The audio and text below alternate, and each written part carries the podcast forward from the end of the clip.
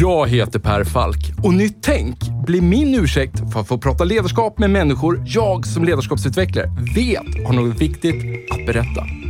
Och med tio avsnitt per säsong, varannan vecka, gräver vi därför ner oss i tekniker, principer och synsätt för att vi ska sätta fingret på vad som kännetecknar det ledarskap vi alla behöver se mer av. Och för att få de här samtalen att hända så har vi sponsorer. Först och främst min arbetsgivare Mindset, där jag och mina kollegor tar fram både små och stora ledarskapsprogram som skapar de nya beteenden som behövs för att få er strategi att hända. Allt handlar om att noga identifiera moments that matters. Samt Promote, som är den självklara digitala plattformen för dig som vill skapa effektfulla lärresor och ett mätbart resultat i verksamheten.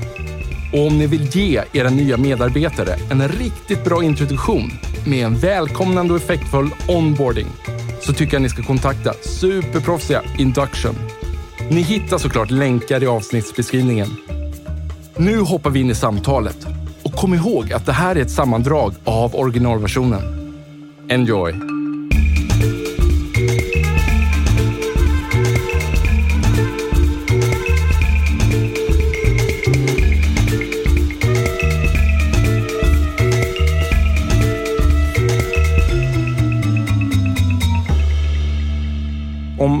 Lyssnar nu inte vet alls vem du är, hur skulle du lyfta fram dig själv? Jag är en person som har jobbat med digital och teknisk utveckling under många, många år eh, i olika former, framför allt för att, att hjälpa företag att utveckla bättre produkter och tjänster. Eh, först på Volvo med nybilsutveckling, jag jobbade på Bonnier med att ta fram digitala tidningar, tv, video, strömtjänster, eh, digitala böcker och sen över till bank och finans där jag jobbade på SEB med just digitala banktjänster. Så att jag har väldigt länge rört mig i den världen. Samtidigt har jag med och startat ett par bolag, så jag är väldigt, väldigt nyfiken mm. kring hur ny teknik förändrar oss som människor. Sen genom åren har jag väl känt att eh, vi pratar så mycket om hur tekniken förbättrar just för företagen och hur vi kan för den delen förenkla vardagen för människorna att konsumera produkter och tjänster. Men ganska lite om hur tekniken förändrar oss som människor på djupet. Och därav att jag först började skriva krönikor i Dagens Industri om det som jag gjorde i sex år. Men samtidigt började på en bok som handlar just om vad händer när tekniken kliver allt närmare kroppen, ibland in i kroppen. Kommer vi bli smartare? Om vi börjar där. Och varför då? Eh, ja, på, på två sätt så leder ju tekniken oss till att i alla fall kunna minnas mer och kunna lagra mer kunskaper. Så dels har det att göra med att de verktyg vi använder eh, blir mer och mer anpassade efter oss själva. Det är klart så att eh, i förlängningen kan ju en smart AI-bot läsa av din kalender läsa av din rutin, vem du är, se vilka möten du har inbokade och sen perfekt anpassa den kunskap du behöver ha för dagen. Mm. Det är ju inte speciellt komplicerat med modern teknik, så det gör ju dig på något sätt smartare. Sen om du ska liksom på riktigt bli smartare som människa, ja då krävs det ju mer avancerad teknik och då, då pratar jag i boken om bland annat då just hörlurar som finns redan idag som sänder elektriska signaler till hjärnan och under 20 minuter pulserar och då gör hjärnan mer plastisk så att du sen under en efterföljande timme har möjlighet att då mer effektivt lära in. Och det här är en teknik som blev känd för att Steph Curry, den kända basketspelaren, började använda den i ett experiment tillsammans med forskare, men där man då använda de här hörlurarna för att han sen skulle sätta den här perfekta trepoängaren som ju är en, en teknik där man vill liksom repetitivt göra exakt mm. likadant i varje trängt läge. Och du måste skapa ett muskelminne vilket då visar sig vara väldigt lämpat för just den här typen av påverkan på hjärnan. Och de här forskarna påstår ju att effektiviteten i inlärning ökar mellan 15 till 25 procent. Det är ju väldigt, väldigt mycket. Och är man då på den elitnivån så spelar det ju roll. Sen när jag testade personligen så kan jag säga att det, det var inte så att jag så här, kunde omedelbart känna att det blev så väldigt mycket bättre. Men det är också för att precisionen i det jag gör är inte lika hög. Som en, Förväntningarna är ju rätt höga när man sätter på sig de där hörlurarna kanske. verkligen, verkligen så. Och det blir ju nästan komiskt såklart. Men det är ju ditåt viss teknik är på väg. Alltså det, hur kan vi påverka hjärnans koncentrationsförmåga och inlärningsförmåga? Um, så det är ju en sak med yttre påverkan. Sen känner du säkert och många av de som lyssnar till de experiment som Elon Musk gör med sitt företag Neuralink. Mm. Och det är ju dess mest extrema form, det vill säga att man lägger, sätter implantat i hjärnan. Mm. Ett chip som man lägger in i, i syfte av att kunna både läsa hjärnsignaler, vad är det jag tänker, vad är det jag vill? Mm men också kunna ge input till hjärnan. Mm. I förlängningen importera ett språk eller mm. en begåvning jag inte har i matematik eller ett minne jag mm. inte har, ett, en plats jag inte har besökt som jag kan importera och därmed komma ihåg fiktivt. Ja. Visade inte de upp en apa i närtid? Ja, de har gjort på flera olika djur. Och som gick och dog också efter de hade visat upp det, tyvärr, tror jag. Så jag, kan jag, kan vara, jag kan vara fel ute. Men... Det, det, vet jag inte, men de har ju bevisat, även på getter och grisar, att det här faktiskt fungerar. Sen ska man ju komma ihåg, även för den här tekniken, mm. så är det ju så att den utvecklades ju också i ett restaurativt syfte, alltså återigen för att mm. hjälpa människor som har förlorat en förmåga. Mm. Så en av de första trans liknande transplantationerna som skedde var ju på Sahlgrenska i Göteborg. Mm. Men då var det en man som hade förlorat sin arm. Ja. Och så implanterade man ett sådant chip för att då kunna mannen skulle kunna kommunicera med sin protes. Ja. Alltså han kunde tänka hand öppna dig och protesen öppnar sig. Ja. Hand stäng dig ja. och protesen stänger sig. Och för en människa som har förlorat en kroppsdel så är ju det såklart magi och fantastiskt att, att läkarna och vetenskapen kan, kan återskapa den förmågan. Verkligen. Mindblowing. Det är mindblowing, men då säger ju en Elon Musk det och tänker haha, vi ska inte nöja oss med dem med proteser, utan vad händer när vi sätter in de här chippen i andra människor? Eh, och även Mark Zuckerberg och Facebook har ju liknande projekt. Nu, nu, har han officiellt stängt dem för det finns ju väldigt mycket etiska, mycket kritik och många etiska frågeställningar kopplade till det och just Facebook har ju så mycket problem ändå. Men det pågår och det pågår ju också som forskning. Så det är ju en sak om kommer vi klara av att ta fram sån teknik och en helt annan fråga, kommer vi någonsin att i mängd arbeta med det? Men att vi tekniskt ska lösa det, det tror jag de flesta är överens om att det kommer att gå i någon form. Mm. Och då handlar det ju om att just kunna gå från tanke, jag går in i ett rum och, och tänker ljus, tänd dig och ljuset tänder sig. Mm. Ja, men den går ju på något sätt att se framför sig. Eh, att importera ett språk, det känns som ett så stort tankesprång att eh, ja, och det är ju en utopi, det har ju ingen någonsin bevisat. Nej, nej, nej, såklart. Men, men det är ju det men vad tror du rent personligen då? Jag tror rent personligen att man säkerligen kommer att kunna komma till att man, man hittar nycklarna till att förbereda hjärnan för bättre inlärning. Att mm. man sen kan importera faktiska, specifika mm. minnen eller kompetens. Det, det, är ju, det är ju en gåta som inte går att ha en åsikt om. Det visar ju sig om det löser sig någon gång. Men förmodligen skulle jag tycka att det kanske är skönt om vi inte tar oss dit. För det öppnar ju upp för ganska otäcka scenarion. Verkligen. Men däremot så återigen, man måste komma ihåg att det finns människor som förlorar sina minnen. Det finns människor som har hjärnskador där vi vill få dem att återfå sin talförmåga, återfå, eller hur? Mm. Så det är så lätt att tycka om det, men samtidigt behövs ju tekniken mm. för, för vissa. Ja, men också jag kan tänka mig att man kan se sig ett scenario, även om man då inte har råkat ut för en skada, men att, att, så här, att någonstans, jag har lärt mig ett språk när jag gick i skolan till exempel, men sen har jag inte använt det. Men någonstans ligger informationen delvis lagrad. Man skulle kunna tänka sig ett scenario då att man kanske kan jag vet inte, förstärka, plocka fram dem mm. på något sätt. Och Det är ju mer rimligt att tro. Sen så tänker jag också så här att det är klart om du kan skapa ett livets varsystem. För jag funderar mycket på de här fotbollsdomarna i fotbolls-VM. Det är ju något så här intressant med att vi har tänkt om hela matchen i form av att en domare kan gå ut och titta på vad som egentligen hände. Mm. Det har vi liksom accepterat som en del av mm, domslutet. Mm, mm. Ja, men applicera det på fler situationer då. Om jag har ett livets varsystem i mitt huvud, jag kan liksom bara zzz, spola tillbaka till en exakt plats och se exakt vad du sa, exakt vad jag sa. Då blir ju löften någonting helt annat. Det går ju aldrig att ljuga. Det blir helt omöjligt att glömma saker. Ja. Det, det, tar oss till en annan värld, eller liksom en perfekt sanningsdatabas gör att allt finns återkalleligt. Ja. Um, eller ja, det kanske är fel ord, men du kan återkalla varenda situation. Det, det ställer ju väldigt mycket på sin ända. Du pratar i din bok också om uh, så här, den här vad heter det, flynneffekten. Mm. Eh, att vi gradvis då, eh, som vi definierar IQ idag, att IQ går ner. Och det har vi faktiskt varit inne lite på i ett an, helt annat avsnitt också. Men det låter på dig som du argumenterar att så här, det kanske inte behöver vara så. Det är bara det att IQ har förändrats. Ja, men precis. För att IQ har ju ökat fram till 2004, tror man ju ungefär. Eh, och ganska rejält, successivt i samma takt. Och sen händer ju någonting där tidigt 2000-tal där eh, helt, plötsligt, ja, helt plötsligt, där bryts det och, och IQ går återigen ner. Det finns ju bra forskning som visar på att det beror inte på omflyttning av demografier. Det beror inte på, för man kan se att även söner har lägre IQ än sina fäder.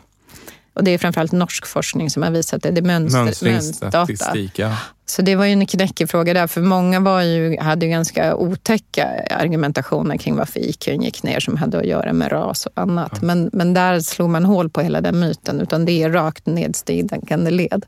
Och det får ju alla att tro att det måste bero på yttre påverkan.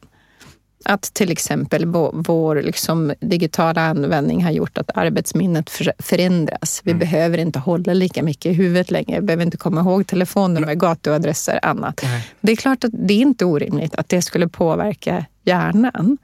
Men det vi inte mäter i de väldigt traditionella IQ-testen, man måste komma ihåg att de här har ju gjorts så länge. Forever, ja. ja. Och vi mäter ju inte vår förmåga att förstå komplexa sammanhang, att snabbt hoppa mellan olika fakta, eh, input och liksom röra oss mellan det och se liksom mönstret i det och så vidare. Nej. Så det kan ju vara så, det är väl det jag försöker ja. skriva i min bok. Det vet vi ju inte än. Men det kan ju vara så att vi har utvecklat en helt annan typ av intelligens som är mer omedelbar och direkt. Ja att vi snabbt kan fatta exekutiva beslut i en komplex värld. Ja. Men så när jag tittar på min eh, son då, som, som fyller, han är åtta och fyller nio i, i höst. Och han och hans kompisar, liksom, så tycker jag så här, de är så jäkla smarta. De är mycket smartare på en mängd olika plan än vad jag var i samma ålder kanske inte nödvändigtvis så känslomässigt smartare, men de intresserar sig för helt andra grejer och har mycket bredare intressen. Och framförallt så kan jag tycka då att alltså så här, om min son sitter och håller på med, heter det Minecraft eller Minecraft? Jag lär mig aldrig. Minecraft. Minecraft, ja. Och så sitter han och så har han Netflix på samtidigt uppe i hörnet och sitter och bygger och tittar på någonting. Som förälder så gör det lite ont liksom på något sätt. Att det här kan bara inte vara bra liksom, att sitta multitaska på det sättet. Men å andra sidan så har han, jag menar så här, jag vet inte ens hur jag ska använda Siri på paddan det har han själv listat ut sedan forever. Innan han kunde läsa och skriva så gjorde han sökningar på, på, på Google med, med, med Siri. Han, när han stötte på ett problem i Minecraft, då letade han upp tutorials själv. Jag har inte lärt honom att göra det på Youtube. Så att hans förmåga att lära sig själv är ju på en helt annan nivå än där jag var i samma ålder. Mm. Allmän, så allmän reflektion. Mm. Är jag helt fel ute eller? Nej, men det är väl precis det som... Där finns det inte så långa forskningsserier så vi riktigt har hittat en bra definition på, på vad är då en annan form av att mäta IQ. Och IQ är ju det vi egentligen som inte riktigt kan påverka genom livet heller. EQ kan vi ju träna upp, men IQ är inte så hög utsträckning. Och det är väl det som är spännande. Har det hänt någonting med vår hjärna på riktigt? Ja. Inte bara vad vi tränar den till under livets gång. Ja. Ehm, så det får, väl, det får väl eh, visa sig över tid. Men jag kan tycka återigen, oavsett hur vi mäter saker så är det ju bortom allt rimligt tvivel precis det du säger. Att en ny generation har utvecklat andra förmågor att ta till sig kunskap, att röra sig själv i komplexa landskap. Vi vet ju till exempel om man tittar på film och böcker som ett tecken i tiden så kan man ju se att tempot och komplexitetsnivån i vad som berättas har ju ökat markant. Mm, mm. Så sätt vilken gammal film som helst framför en yngre person och de tycker det är så långsamt och segt. Jag provade Ronja Rövardotter på min eh, Ja. sexåring. Hur gick det? I- inte alls. Eh, och, och då tyckte jag så här, den här, det såg man ju, eller i alla fall jag, jag var nog betydligt, betydligt äldre än, än hon. Nej, det, det var liksom, jag, jag tänkte så här, hon kommer älskar Ronja Rövardotter. Liksom. Det, nej, det fastnade inte alls.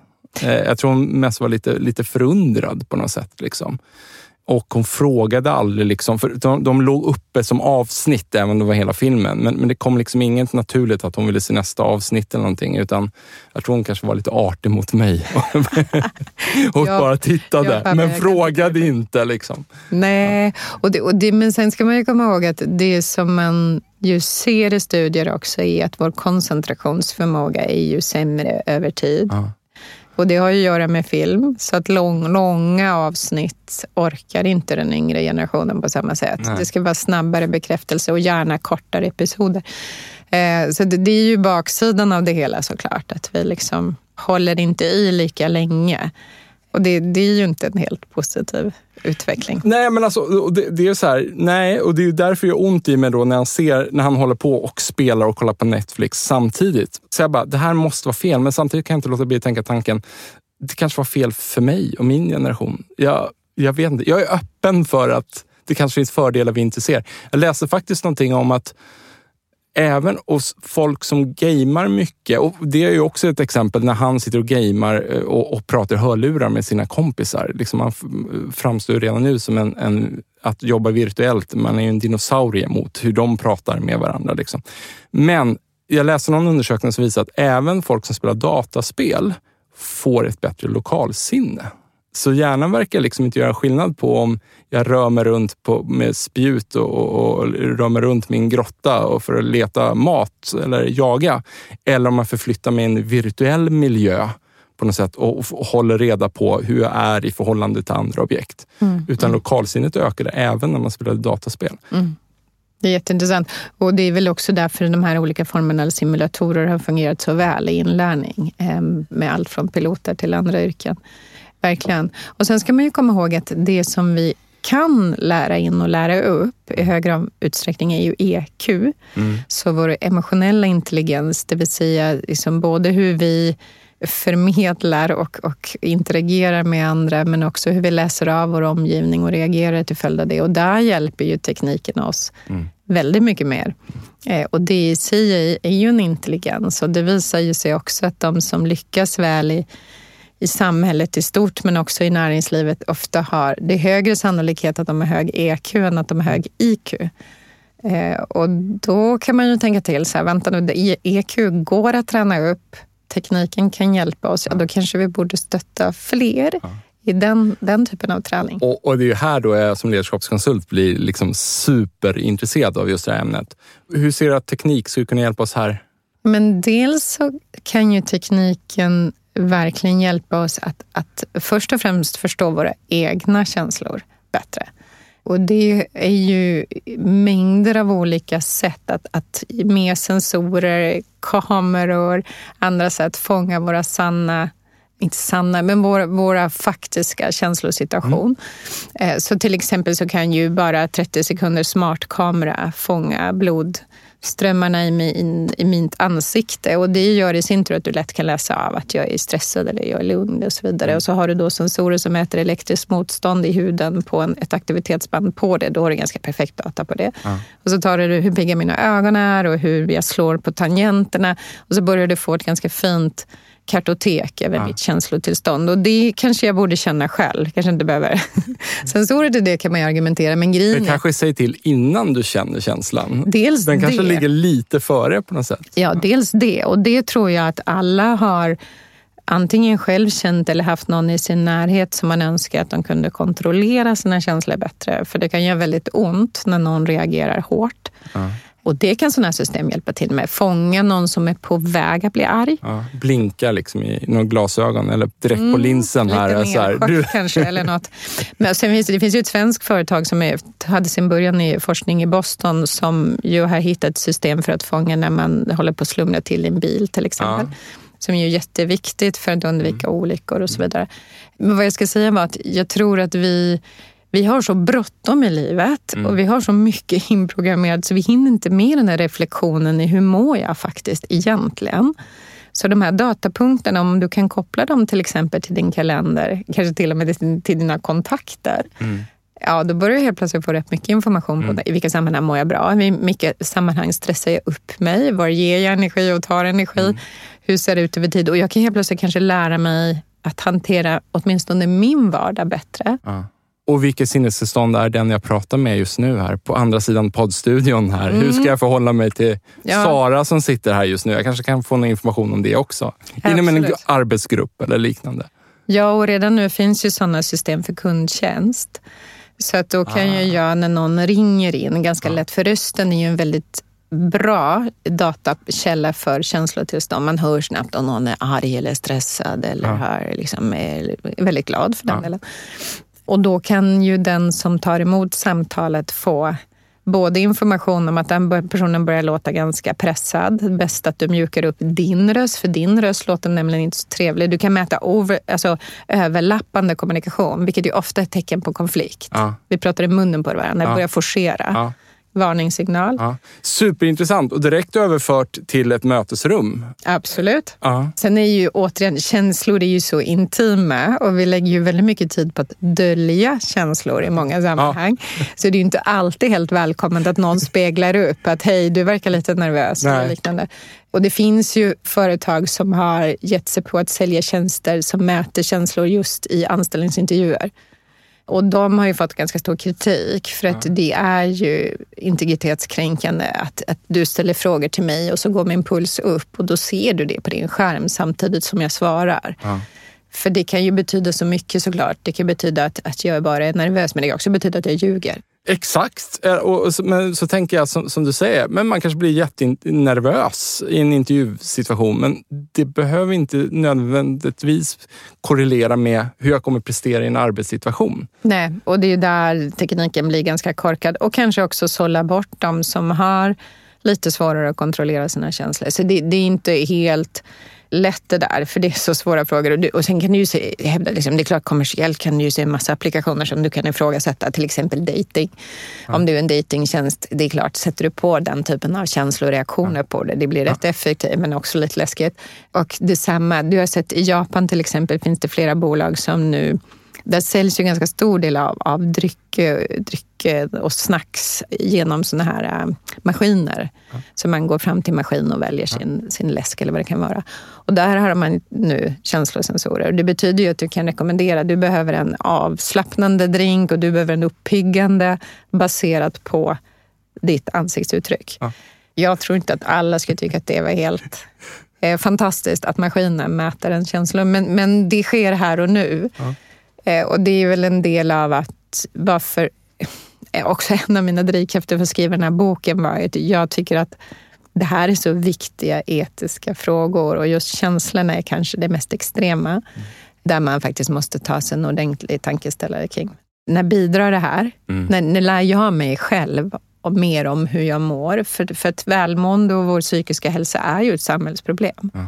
Så kan man bidra till att människor blir mer duktiga och kunniga till hur, hur uppfattas jag och hur, vad får jag för feedback och så vidare. Eh, Eh, då är det ju tekniken fin. Men börjar den bli liksom kommersiellt använd av externa parter, ja då börjar det bli svårt. Men man skulle kunna tänka sig system som eh, inom en, eh, liksom ett, en organisation då, liksom att eh, även om inte eh, HR-direktören sitter och, och, läser om allas sinnesstämningar och emissioner, så, så kanske det går ut så ett automatgenererat ehm, handslag till någon som kanske behöver stöd och hjälp och sen så bestämmer den personen själv om man ska ta det här virtuella handslaget och kanske kontakta företagshälsovård eller någonting. Jag vet mm. inte.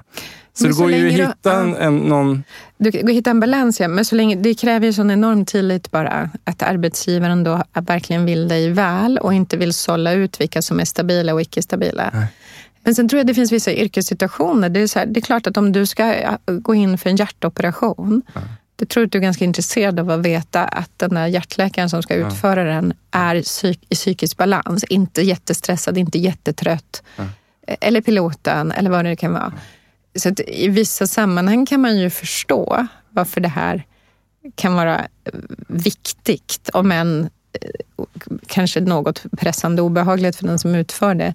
Och i andra sammanhang kan man ju fråga Det blir som en sorts nykterhetskontroll bara ja. där. Då. Eh, skulle man kunna se det där. Ja. Så skulle man kunna se det. Men, men äh, återigen så tror jag just i, i den, egen, alltså, den egna informationen i att lära sig mer om sig själv och hur man mår. Och det kände jag själv. Jag testade ju rätt mycket av den här tekniken. Och en viktig insikt var för mig att det gav mig faktiskt ganska stort lugn. Det kan framstå som stressande att man har sensorer på kroppen. Men lugnet består ju av att man lär sig så mycket av sig själv, om sig själv. Ja. Att man fattar att vänta, den där sena kvällen med kanske ett par glas vin dessutom ja. gör att jag sover sämre och gör att jag idag känner mig mer rättlig, ja. lättretlig. Det hade jag ju kunnat räkna ut ändå. Ja. Men när du får data på det. Det är ett feedbacksystem. Det är ett feedback, exakt så. Och när du dessutom ser det repetitivt, då börjar det ju också ändra ditt beteende mm. mot ett liksom, beteende som du mår bättre. Mm. Så om jag frångår formatet lite här och som jag hintade om där för lyssnaren i början, så vi kanske hoppar lite fram och tillbaks. Men när, när, eftersom du säger det, att jag har testat och så vidare. Är det någonting som du använder idag? Och som, någon form av teknik som har fastnat med dig och som ger dig så mycket värde att du har fortsatt att använda det? Ja, absolut. Alltså, dels, jag har ju bara min enkla Apple Watch, men den är ju väldigt kapabel. Det spelar ingen roll vilket märke det är, men de smarta klockorna är ju väldigt kapabla. Mm. Och inte minst ur ett hälsoperspektiv, att jag kan fråga min hjärtpuls och så vidare.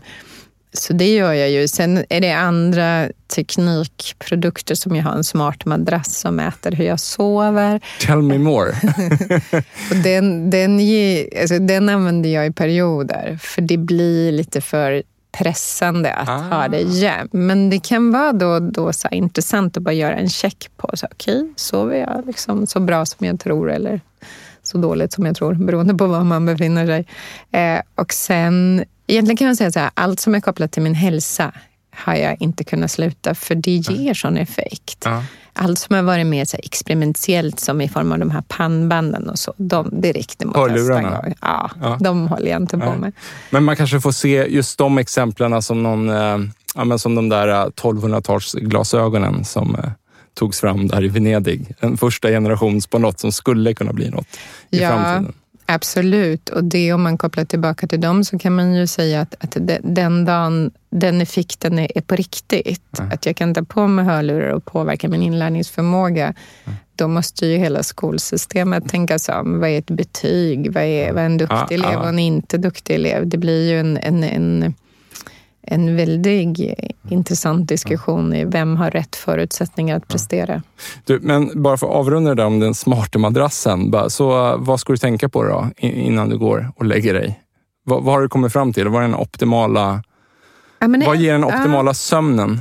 Ja, men en intressant insikt, den kanske är självklar, men den otroliga effekten det ger av att hur dåligt man än mediterar, men bara att försöka meditera. Ja djupandas, gå ner i varv. Det, det, finns ingenting som påverkar så mycket i effekt, för mig i alla fall. Hur, det, hur mycket tid behöver du lägga på det? På meditation? Ja. Alltså enligt vad forskning säger så ska man ju helst lägga 20 minuter om dagen. Mm. Men det, alltså några minuter gör skillnad. Verkligen.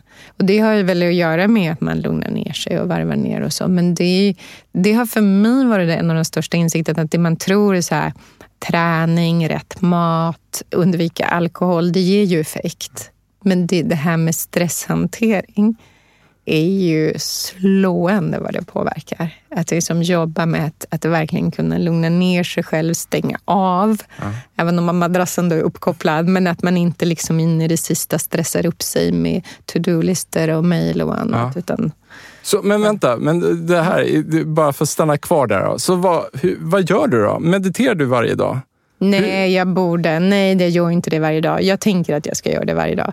Men jag försöker stanna upp koppla av, liksom andas djupare, inte in i det sista, gå igenom allt som behöver göras idag, och imorgon och nästa dag. Men nej, nej, jag är långt ifrån perfekt. Men jag har i alla fall lärt mig att det ger effekt, så jag vet att det är dit jag bör sträva. Mm. Och för mig, det finns säkert andra som är betydligt smartare och har förstått det här för länge sedan, men jag hade nog inte riktigt förstått vidden av effekten, av hur det liksom fysiskt påverkar mig. Spännande. Jag skulle gärna vilja prata vidare om det, men vi går vidare till nästa grej. Um, och du tänker så här, din bok för övrigt, så här, jag tycker det är så hög densitet på den. Det är så väldigt många exempel. Så en farhåga som jag hade när jag gick in i intervjun här är att det måste vara omöjligt för dig att kanske komma ihåg alla exempel du har skrivit om. Men jag försöker ändå. För att det var någonting som fascinerade mig och det var egentligen eh, programvara för att mäta en debatt inom en ledningsgrupp kanske. Mm. Mm. Kommer du ihåg den? Absolut. Ja. ja. Det är en plattform som den, den är jättespännande. Det är forskare på Stanford som har utvecklat en plattform som heter UNU. Och det som är så intressant med den är precis som du säger att det är en AI-mjukvara man sätter i mitten av ett bord i ett fysiskt möte. Mm. Man ger en problemformulering till AI-systemet i dess enklaste form som finns i de här forskningstesterna så är det så här, vem vinner en Oscar i år till exempel? Mm. Och så sätter man då experter runt borden. När det gäller Oscar så blir det olika filmkritiker och så får de börja debattera just den specifika frågan. Men det som är så fascinerande med systemet är ju inte att den bara väger samman vem tycker vad tycker flest personer är den mest intressanta vinnaren? För det kan ju människor göra själva. Men det är ju att den viktar ned de som talar med väldigt mycket varm luft. De här pompösa personerna som tar plats och med emfas trycker på någonting. Ja. Vissa har ju det mer i sig än andra. Att, vara, att, bara vara övertygande i sitt sätt att mm. i, i, sin paraverbala kommunikation. Liksom. Precis, ja. och det är ju det som då AI-systemet tycker att det kanske inte ska ge dig Fördel. fördelar. Ja. Och det tycker jag det tror jag alla som har suttit i olika möten kan känna igen sig i. Att vissa kan till och med repetera vad någon annan har sagt och helt plötsligt så låter det jätteklokt. Ja. Men systemet ser igenom det, sticker hål på bubblan och viktar ner. Mm. Samtidigt som det letar efter saklig argumentation som kanske inte förs fram lika retoriskt perfekt eller med lika hög röstvolym mm. och viktar upp. Och det som händer då är att man når en annan form av konsensus. Mm.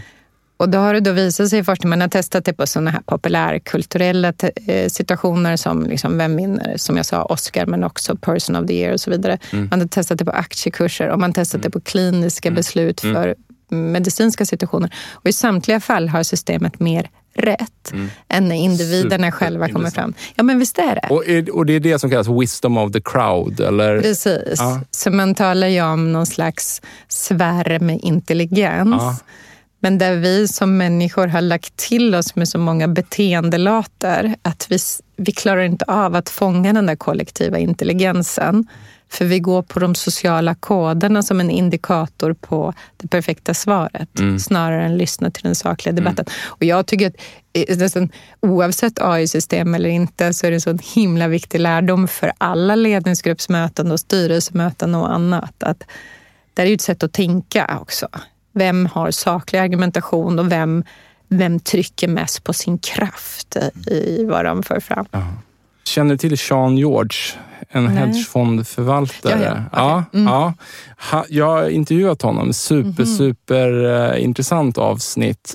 Då pratade vi lite om en programvara som en, eh, en en hedgefond i USA eh, använde där de, de viktade i debatterna då så viktar de liksom mot hur rätt man hade haft med sina investeringsbeslut in the past. Så att du skulle i princip kunna vara väldigt junior Men, men har du haft liksom ett bra track record så viktades din argumentation upp då under Mm. mötena. Ja, men lite på ett kanske liknande sätt där. Ja. Och någonstans så tycker jag att det är ofta kanske den typen av institutioner som hakar på den här typen av ny teknik. För att kan de bli en procent bättre med att sätta på sig ett par hörlurar som gör hjärnan plastisk eller vad det nu är, så är det ju rätt mycket pengar det handlar Mm. om. Precis. Jag besökte ju just hedgefonderna i researchen till boken. Ja. Så jag var i New York och träffade sex av dem.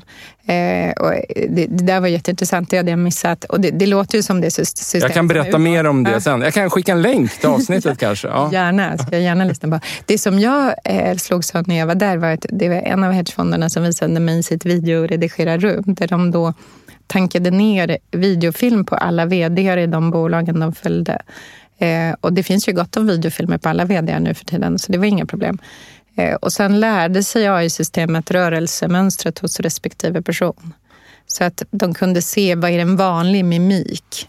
Eh, Och så fort man sen gjorde en kvartalsrapport och vdn blinkade till på ett sätt han inte brukar, eller hon, Ja. då reagerade systemet och satte en automatisk köp eller säljsignal Ja. baserat på det. Ja. Och de fick det att funka då? Eller, eller viktar de ihop det med andra typer av indikatorer? Eller, Alltså det Eh, kan ju inte man skulle, jag svara Man på. skulle kunna tänka sig att det är en, en delmängd av så här, Jag tror en parameter Jag av tror flera. tyvärr att det som den typen av fonder ägnar sig åt är att väldigt snabbt agera på första minsta signal. För det handlar ju om millisekunder i hur snabbt man måste fatta sina beslut. Så jag tror ju att man jobbar... Men det är klart att de, de jobbar ju också med drönardata på världens alla grödor för att fånga och hur de växer och sätta priser. Så det är ju otroligt avancerad dataanalys. Och det var därför jag besökte dem. För de ligger, precis som du säger, de ligger så oerhört långt fram. Bara en så här, mm, by the way historia, jag kan inte låta bli att ta upp den. Någon gång i tiden när man började med liksom automatgenererad trading, Alltså, ja, jag, jag kan inte den här världen, så det är säkert felaktigt begrepp, men jag tror ni förstår vad jag menar. Men då ska en firma byggt en egen kabeltunnel under Hudson River. Du känner till det här? Ja, för att då blev den kabeln mellan deras kontor och börsen. Börsplatsen där Ja, transaktioner sker. Ja. den, den blev kortare, så signalen kommer ju liksom fram eh, snabbare. Men det är helt sant. Och, och därmed då fick man en fördel. Mm. Eh, Jag tycker det är så enormt fascinerande. Men det är ju så, det, är det det handlar om. Det är så otroligt korta tidsfönster. Och, och där i, idag ligger ju alla på exakt samma avstånd, så det finns inte längre kvar. Men under en kort period kan man hitta såna här snabba fördelar. Sen, sen hinner ju alla ikapp. Men, men det är ju fortfarande helt avgörande att man har just den här snabba uppkopplingen till beslut. Och det är det jag menar, att deras system handlar ofta om automatiska triggers. Det är inte så att någon sätter sig och tittar på den analysen och funderar lite. Ja. Utan analysen leder till sälj. Och det är det vi har sett också på börserna ibland. De här oerhört snabba reaktionerna på ett tweet. Eller i det här fallet då, säg att Carl-Johan Persson står och säger vi har absolut inga problem på H&M Och så gör han den här blinkningen. Då kommer systemet säga sälj. Och det har vi ju sett några gånger. Ja. Och det kan ju orsaka ganska stora liksom, följdeffekter. Så det är ju... Nu är det ju fortfarande aktiekurser så det är inte människor som dör. Nej, Så- och så, så tänker jag mig så att systemet kommer såklart ha fel några gånger, men, men så här, det handlar ju om att ha mer rätt än fel. Ja, Så och det att- har de nog. Ja, kanske är det så. Jag, jag besökte de här hedgefonderna tillsammans med mina dåvarande bankkollegor på SEB. Det var väldigt roligt för att eh, bankpersoner i Sverige är oerhört välklädda, snygga när de kommer till New York, välkammade. Så kommer vi in på det här kontoret och kontoret ser ut som en spelhall. Det är bara så här sköna godisgrejer överallt och det är chips i taket. Och, det, och ut kommer det killar, bara killar, inga tjejer, i stora jeans, t-shirt och keps och möter oss. Och den här kulturkrocken är jättespännande, men den består ju av att de... Jag frågade nämligen dem den enkla frågan, anställer ni ingen med en MBA, alltså från en affär, handelshögskola eller liknande? Och då tittar de på mig som jag kom från liksom, eh, dinosaurievärld. Skämtar du? Vi har bara data scientist och computer scientist som jobbar här. För det är data vi analyserar. Vi behöver ingen som kan bank och finans. Vi bara hoppar vidare här. Då, så här. Eh, skarpare sinnen. Alltså, vi har ju varit inne... Återigen, vi hoppar ju fram och tillbaka. Så här. Eh, Är det något du skulle bara vilja lyfta fram där? Något som biter sig Ja, fast? men det som är intressant är någonstans att vi tycker att människan är så överlägsen som varelse. Och tittar vi just på våra sinnen så är det ju det område där vi är underlägsen djuren. Ja. Så Ja. vi, vi hör ju bara mellan 20 och 20 000 megahertz. Vi ser ju inte speciellt mycket jämfört med en örn eller en uggla Nej. och så vidare. Så att där kan man ju säga att andra varelser har ju redan knäckt det mer biologiskt i att vi kan öka den förmågan. Och nu kan ju tekniken ta oss dit. Så det är klart att om man tar hörsel till exempel, det är klart att om jag kan inte bara få upp min hörsel till jag hör bättre, jag kan också zooma in på ett samtal som pågår någon annanstans. Och än mer, vi ska bo trångt i de här städerna, så mycket ljud vi aldrig har valt att höra i våra öron. Nej. Allt detta buller som pågår och barn som skriker på bussen och flygplansljud. Så varför ska jag inte kunna kurera min egen ljudbild? Välja bort det jag inte vill höra för att fokusera på det jag vill. Det, det är ju sånt som aldrig har gått, men som kan gå. Och då kan man ju fundera, så blir det då bättre? Och samma sak syn. Vi kan sätta på linser för att se i mörker, se värme, infrarött. Och vad händer då med vår varseblivning? Finns det linser för att se eh, värmestrålning? I test, ja. Ja, inte på ja, marknaden. nej, nej, nej. För mörkerseende finns på marknaden. Ja, för, att, ja. för att se värme Att man har lyckats banta ner tekniken. Mm. Ja. till linser, så är det. Sen, sen är det så dyrt att konstruera så det går inte att sälja ännu. Men det kommer ju att gå. Mm. Och då kan man fråga sig, behöver jag kunna se värme? Ja, det, det kan ju möjligtvis finnas situationer där det är skönt att se om ölen är kall eller grillen varm. Ja. Men, men eh, att kunna se bättre. Alltså varför är 1,0 stopp? Du, när du skaffade glasögon nu Ja. till, till dina barn så handlar det ju om att kompensera upp till en viss nivå. Men varför ska det vara svårt att se bandybollen eller hitta svampen i skogen eller. Fågeln på himlen? När jag skulle kunna bara tänka zoom och så ser jag Svampen. svampen. eller något annat viktigare kanske. Ehm, så att jag kan tycka att det här med sinnen är ju väldigt spännande. Och sen är det också så att Testade du någonting där? det testade jag på labb. Ja, Ja. Framförallt de som man ser i mörker med. Och det, Ja. det, är ju, det är ju rätt häftigt för vi tar bara för givet att vi ska sluta se bra när, när ljuset försvinner. Mm. Det, det behöver ju inte vara så.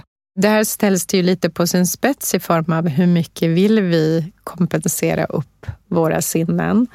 Eh, För det är ju så att sin, sinnen är ju också det som degraderar mest över åren. Alltså både syn, hörsel, men Just också vår känsel försämras ju betydligt Mm. över åren. Och med tunna handskar så kan du lätt känna lika bra som du gjorde som 20-åring när du är 80. Mm. Men det är en fråga om i vilken mån man vill det. Och återigen, ska du återställa till din medfödda förmåga eller ska du fördubbla synen så den är dubbelt så bra? Ja. Och varför inte? Det är ju ganska ofarlig förbättring. ja, alltså den känns betydligt ofarligare än eh, att börja importera främmande språk till hjärnan. det, det, det, är bara för att jag kan, det är bara för att man här i studion kan, man kan föreställa sig det tekniksprånget. Liksom. Ja, och du var ju på det redan i inledningen att det är klart att vi har, hörlurar har vi alla. Det är ju den tekniska förbättring av oss själva som vi tycker är rimlig. Alla går omkring med det på stan, mest för att prata i telefon, men om det också förbättrar vår hörsel samtidigt är det ganska lätt steg. Och samma sak med glasögon. Det har vi då tydligen haft väldigt mycket längre än vad jag trodde. Och då är det kanske inte så svårt att övergå till att vi ser ännu lite bättre. Å andra sidan så var det just Google Glass som inte alls funkade. För då hade vi också en videoinspelningsfunktion i glasögon och då tyckte vi att det blev för Ja. integritetskränkande. Var det det det föll på? Så säger undersökningarna. Ja. Att man blev för inte socialt accepterad när man klev in i ett rum med Google Glass. För människor kände sig filmade. Mm. Och det kan man ju förstå, Mm. att det blir liksom ett, Mm. ett steg till. Det är inte bara att jag ser bättre, jag, jag sparar också allt som sker i det här rummet. Tror du att det kommer komma någon eh, Google Glass 2 här i, inom nära, nära framtid? För det känns som ett naturligt liksom, Mm. produktsteg på något sätt. Då. Men Det finns ju ganska stor nytta av det. Det som in, känna igen personer vid namn, få en snabb skulle jag, det bakgrunds- skulle jag behöva. eh, Jag med. Och få bara, när pratades vi vid sist? Var träffades vi? Och så återigen kunna liksom återkalla, liksom, hur var det när jag var här förra gången? Och Vi befinner oss nu i ett, ett, inspelningsrum där jag har varit en gång tidigare men jag kommer inte riktigt ihåg vad dörren var. Ja, det är ganska lätt att spola tillbaka till. Så det är klart det finns nyttor. Men, men jag tror man ska ha respekt för sociala tabun. De, de påverkar oss mycket. Mm. Ja, du, här, vi hoppar vidare då. Vi var inne, du pratade om en, en 80-åring som kan sätta på sig handskar. Då, liksom. Om vi bara pratar om ålder liksom, mm. och bli äldre. Vad fascinerar dig där? Vad, vad, vad, skulle du vilja ta del av för teknik? Jag tror vi kommer ju att leva längre, det vet vi ju. Eh, vi lever ju längre för varje år som går, i alla fall i den del av populationen som sköter sin hälsa någorlunda. Och det som vi står inför är ju att de här åren måste bli friskare. Om vi lever längre men blir sjuka på slutet så kommer ju samhällskostnaderna att skena. Förutom att det på individnivå är en ganska deppig tillvaro. Jag får 20 år till men de 20 åren är rätt miserabla. Så den där frågan är ju otroligt viktig att knäcka. Mm. Och då finns det ju teknik på gång som dels fysiskt. Jag testade ett underställ som verkligen ser ut som ett underställ. Eh, där det den gör är egentligen så att jag ska ta mig ur en låg soffa som många äldre tycker är jobbigt. Och då känner den att jag är på gång och gör och ger mig en liten, liten knuff så jag liksom flyger upp nästan. Som är fantastiskt. Eller i, i, slutet av dagen så tror jag vi alla sjunker ihop lite och ryggen liksom åker ner och vi är trötta. Då trycker den liksom tillbaka dig på ett ergonomiskt perfekt sätt att sitta. Subtilt, liksom små, små knuffar. Jätteintressant för den trötta äldre kroppen. Eller ett par byxor som MIT har tagit fram som egentligen utvecklades för att förmå paralyserade personer att kunna stå upp igen. Mm. Men som man sen gjorde en lättviktsversion av som gör att när du har svårt att gå så stöttar den dig. Ja. Så att en trött kropp orkar att gå 40 procent längre. Och det är ju livskvalitet. Verkligen. Och jag tycker sån Förflyttar teknik... rullatorn in i, i, I kläderna. Liksom. Ja, och det är ju fantastiskt. Det betyder ju enormt mycket för den äldre människan. Det finns skor som gör att du får liksom en liten, liten knuff i hälen när du går som du på samma sätt då använder mindre muskelstyrka och därmed orkar längre. Så att fysiskt finns det massor vi kan göra. Det finns handskar som gör att man orkar greppa ett annat problem när man blir äldre, som liksom stöttar dig i mm. den rörelsen. Så den, hela den dimensionen är ju viktig, men sen till det kanske än viktigare är ju teknik som gör att vi kan stötta människor i, i hemmet, så fånga upp eh, inför att någon är på väg att falla, inför att någon är på mm. väg att som gör, får symptom som leder till något allvarligare. Eh, så det är ju den andra dimensionen av det, att liksom stötta eh, individen att kunna bo hemma längre. Mm. För det kommer att krävas. Vi har inte råd att ha folk boende på, på mm. hem. Det är väl kanske den viktigaste, det viktigaste området för sån här teknik. För det vi har pratat om hittills är lite så här härliga sätt att, att bli bättre som människa. Men det här är ju mer en fråga om att, att eh, både för sig själv och sina anhöriga bibehålla en livskvalitet som, som är rimlig. Eller mm. till och med kanske rätt fantastisk. Mm. Eh, och till det finns ju hela det, den delen av tekniken som är preventiv. Mm. Alltså att hitta hitta symptom innan de uppstår så att jag kan eh, hålla mig frisk längre. Mm.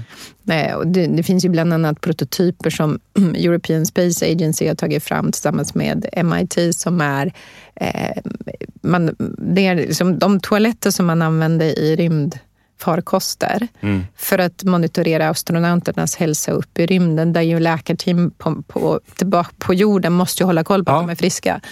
Om man tänker sig att man skulle kunna massproducera sådana toaletter eh, och det är ju så att vår avföring, hur äckligt den låter, är den perfekta datakällan för massor av information. Ja. Om du har en infektion, eh, om du äter rätt mat, mineraler, salter, socker. Ja. Du fångar allt. Du fångar till och med cancer i väldigt tidigt skede. Om du ska kunna göra det löpande ja. varje dag, ja, men då får du din dagliga information både om så här, vänta, det här måste du nog kolla upp, det här står inte rätt till. Nej. Men också i form av att du borde äta mer si eller så. För att det här har, liksom, din balans är inte perfekt. Nej. Det är jättehäftigt.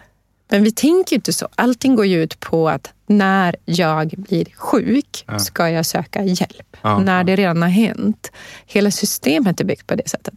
Men om människor ska leva längre, då kommer vi inte ha råd att vänta tills de är sjuka. Det är liksom för sent. Ja. Så att det, då kan vi göra det där, så kan vi ju hjälpa människor till ett mycket, mycket bättre liv. Hur gamla kan vi bli då? Lite, lite off topic kan, kanske, Mm. men jag tänker att du, du måste ju ha snackat med så många Ja. insiktsfulla människor. Jag vet inte hur insiktsfulla de är. Det är så här, i, bland tech-nördar, om man får kalla det det, Silicon Valleys alldeles för rika människor, så finns det ju en besatthet i att knäcka döden. Och det där var ett genomgående tema. Det kändes som var man än gick och hamnade på jättefascinerande middagssamtal så slutade de ändå sent på kvällen med att någon skulle snacka om att man ska vara inte dö. Nej. Utan det går att knäcka och det är därför vi har de här konstiga bunkrarna där människor lagrar sig själva efter döden för att de tror att de kan bli återuppväckta I någon eh, tank. i tankar. Ja. Ja. precis. Ja. Det känns galet. otroligt obehagligt, eh, den tanken. Fast man är död och en kropp, men det känns jätteobehagligt. Ja, kanske än mer att bli väckt till en tid där man inte känner någon. Eh, Ja, exakt. Man skulle nog vara rätt passé, känns som. Och, och, det, väldigt vilsen. och, och jag läste bara så här, eh, det finns en lågbudgetvariant av det där, där de kanske bara förvarar ditt huvud också. Precis, Eh, och då delar du tank med massa andra huvuden. Eh, då. Eh, jag står över det, tror jag, för stunden i alla fall. Det känns som en väldigt intressant affärsidé, kan man ju tycka.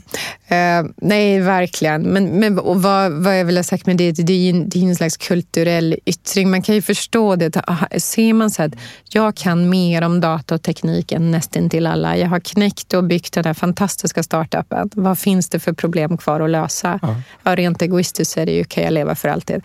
Men med det sagt, trots all den här otroliga intensiva satsningen på det. det är Calico till exempel som är ju grundat av Google-grundarna handlar ju bara om att förlänga livet. Trots det har man ju inte sett några tecken på att vi kan leva längre än 120 ungefär. Så att det är ju en livlig debatt som pågår men det finns inga vetenskapliga bevis för att människan orkar längre.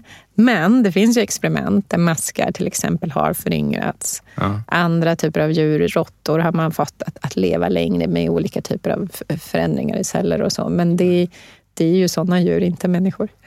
Så att det, När du säger att, att det finns en, en, jag vet inte om du använder ordet besatthet, men, men att så här, övervinna döden då, liksom att i, inom den här kretsen. Um, tänker man Elon Musk här, han, han, han känns lite insnöad på att prata om att vi lever i en simulering också. mm, mm, det är ju hans syn på världen. Ja. Ja, är det också en kulturell yttring i, i den här världen? Eller, Eller bara Och- och- eller- Musks galenskap.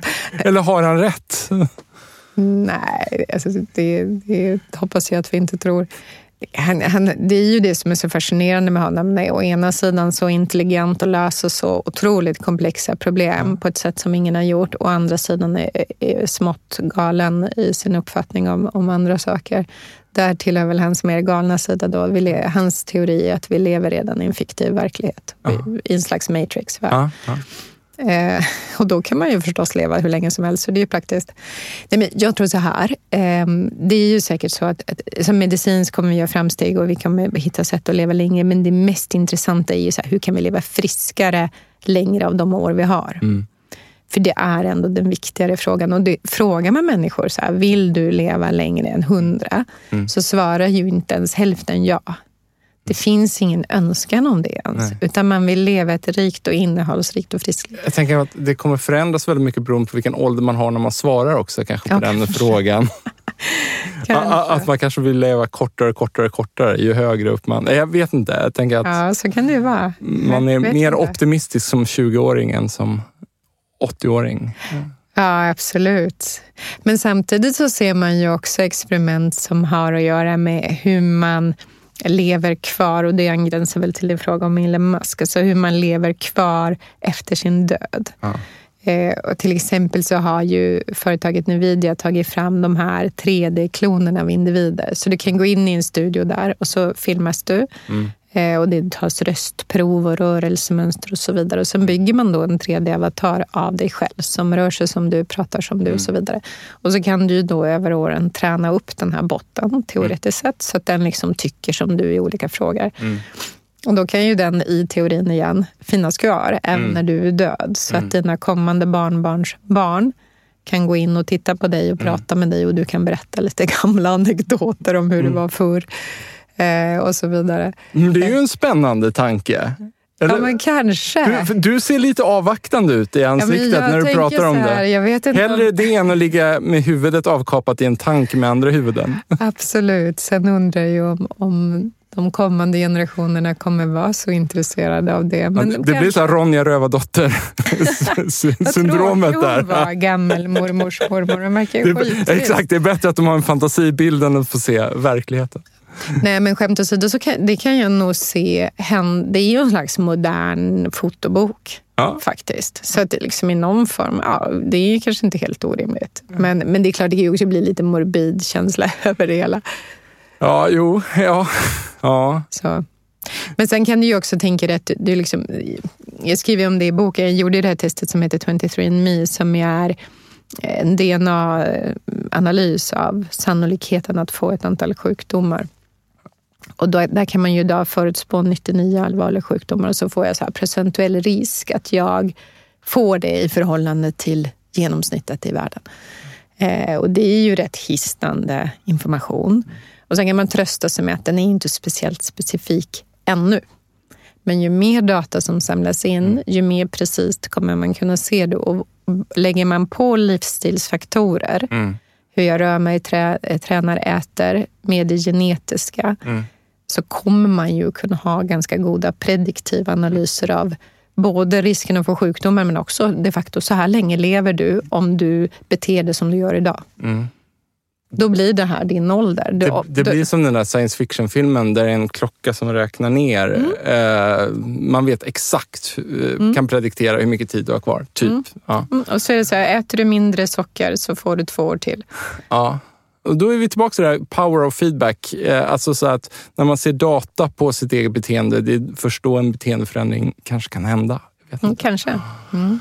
Du ska få gå ut från studion när, när, när vi har kommit överens om att, att du ville gå ut där och behövde hem. Så att vi, så här, jag hoppar bara vidare. Jag måste bara fråga en sak. Så här, det blir också så här, lite off topic här, men hur mycket data tror du Google sitter på om oss som individer? Eh, just Google... Eller liknande, ett techbolag liksom. Techbolag som, som handlar i data. Alltså techbolag som har det som affärsmodell, det finns ju sådana. De köper ju på baksidan av ett Paypal och mm. Amazon och andra.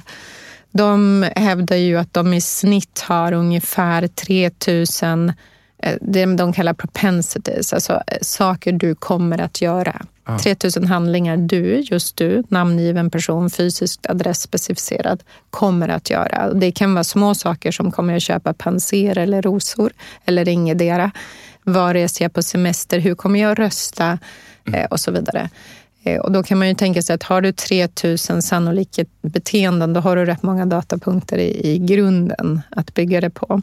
Sen är det ju också så att ju mer avancerade våra system blir så behövs inte lika många datapunkter för att förutspå. För vi kan hitta tvillingar i liknande ja. personer och så vidare. Ja. Så det är ju det som är både det fantastiska och det otäcka med de moderna systemen. Att eh, med färre inputvariabler kan vi ändå precisera en person hyfsat väl. Mm. Även om vi tycker att vi är så unika så är vi inte det. Nej. Nej, exakt. Det verkar ju som att vi nästan är programmerade att tycka att vi är unika, eh, att det är en chimär. Eh, varför det är så? Ja, i och för sig, det, det, livet blir mycket bättre om man tänker att man är, är unik. Ja, så vad, vad, så vad tror du, hur avancerad är tekniken där? Alltså, kan du ge något exempel där, liksom, vad, vad, man skulle kunna förutspå? Ja, men man kan ju förutspå, eh, det såg vi ju inte minst i de här valmanipulativa propagandaaktiviteterna som skedde. Du kan ju förutspå vad någon är benägen att rösta på. Mm. Men än värre så kan du förutspå vad är det för information den personen behöver, behöver för att ändra sig. Mm. Mm. Eh, och det behöver ju då inte vara sann information. Nej. Utan vad krävs det för typ av information för att få mig att byta beteende? Mm. Eh, och det är ju den liksom riktiga sprängkraften i, i dataanalysen. När du liksom inte bara förstår vad man är på väg mot utan också vad som krävs för att få dig att ändra väg. Ja. Det var ju hela den här Cambridge Analytica-skandalen. Undrar vad som hände med den här datan? De säger att de förstörde allt där. Mm. Kan man lita på det? Nej, det tror jag inte man kan. Eh, jag tror att den, det, är ju, alltså det beror på vad är det för data de har förstört. Alltså individdatan finns ju kvar. Algoritmerna som, som ja. Man tog fram går ju att återskapa. Ja, det finns ju individer som har den kunskapen. Så mm. att, sen är det ju ändå så att man med regleringar och med bra metoder att hitta den här påverkan kan absolut stävja det. Mm. Men det är en risk vi måste vara medvetna om i ett modernt samhälle att manipulation mm. kommer att bli mer avancerad. Mm. Och då, nästa fråga då. Så ett kapitel i din bok eh, heter Lyckligare? frågetecken. Mm. Varför sätter du ett frågetecken? För det var ju en växande insikt när jag skrev den här boken. Jag gav mig in i den ganska så här härligt. Jag tycker om ny teknik. Jag ser massor med möjligheter i den. Men allt eftersom jag intervjuade personer, testade tekniken så kunde jag ju se de mörka sidorna av den. Mm. Eh, baksidan. Så nästan för varje nytta finns det en lika stor svart baksida som i orätta händer, när människor förstår när du som mest så bör. Mm. Dina känslor är i botten, du är förvirrad, du är stressad. Mm. Det är klart att du kan påverkas till helt felaktiga beslut för dig själv mm. som gynnar någon annan part. Mm. Eh, och likaså kan människor genom att analysera dig liksom diskriminera dig från olika sammanhang. Särskilt då i ett skede i världen där kanske demokratin är lite under mm, press. exakt. Eh, Precis, exakt så. Så det tycker jag för mig var det viktigt att avsluta med den typen av, av tankar kring att det här kan missbrukas mm. av nationer. Det mm. ser vi redan av kommersiella krafter som inte regleras. Det ser vi också redan. Mm. Av olika liksom strömningar i samhället som driver vissa typer av sakfrågor. Och det ser vi också redan. Så det här händer ju här och nu och därför är det så otroligt viktigt att vi liksom tänker till i vad, vad får man använda den här datan till och hur? Mm. Och sen när det gäller teknikapplikationen i form av lyckligare så är det, så här, det är klart att Även om jag kan lyfta tyngre och jag kan komma ihåg mer så är det inte säkert att jag mår bättre. Så någonstans måste vi ändå ha ett resonemang kring så här, vad, vad vill vi att människan ska kunna förstärka? Vad tror vi är bra både för individen och samhället? Eh, och vad är det som faktiskt bara blir mer orättvist och inte alls gynnar helheten? Det ska man nog tänka till om man ska tillåta i allt för hög utsträckning. Mm. Eh, och den sista frågan kring lyckligare har att göra med fördelnings frågan. Mm. Vem ska få access? Är det den som har råd att köpa motorbyxor som ska få gå längst? Mm. Mm. Eller den som har mest ont i benen? Mm. Den frågan måste ju någon svara på vid något skede. Eh, och det, det, är ju otroligt viktigt att ha en uppfattning som samhälle var man står där. Ja. Du, jag tror att vi låter det bli de avslutande orden här. Och självklart, vi lägger in en länk till din bok Ditt framtida jag direkt Gärna. i avsnittsbeskrivningen på det här poddavsnittet. Stort tack för att du kom Sara. Varmt tack. Jättekul att vara här. Hörni, tack till våra sponsorer Mindset, Promote samt Induction för att ni tror på den här produktionen. Ta hand om er.